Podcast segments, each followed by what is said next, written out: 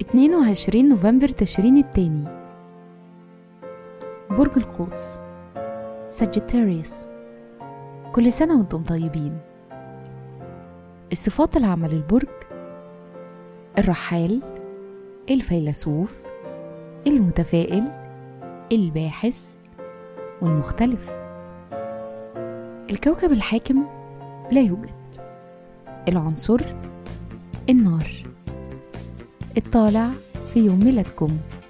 رحلة الحياة لحد سن التسعة وعشرين بيكون السعي عندكم لتوسيع الأفق والبحث عن الفرص سواء من خلال الدراسة أو السفر.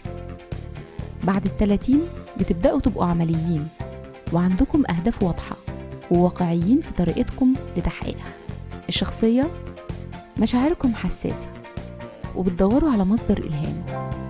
بتستمتعوا جدا بخدمة ومساعدة الآخرين. ورغم كده مهرة العمل موهوبين في التواصل مع الناس وده بيساعدكم في الشغل الجماعي اللي فيه تعاون. أنتم دبلوماسيين وبتنجحوا في مجالات المبيعات والعلاقات العامة والميديا والسياسة. تأثير رقم يوم الميلاد رقم 22 بيقول إنكم فخورين بنفسكم وعمليين وصادقين.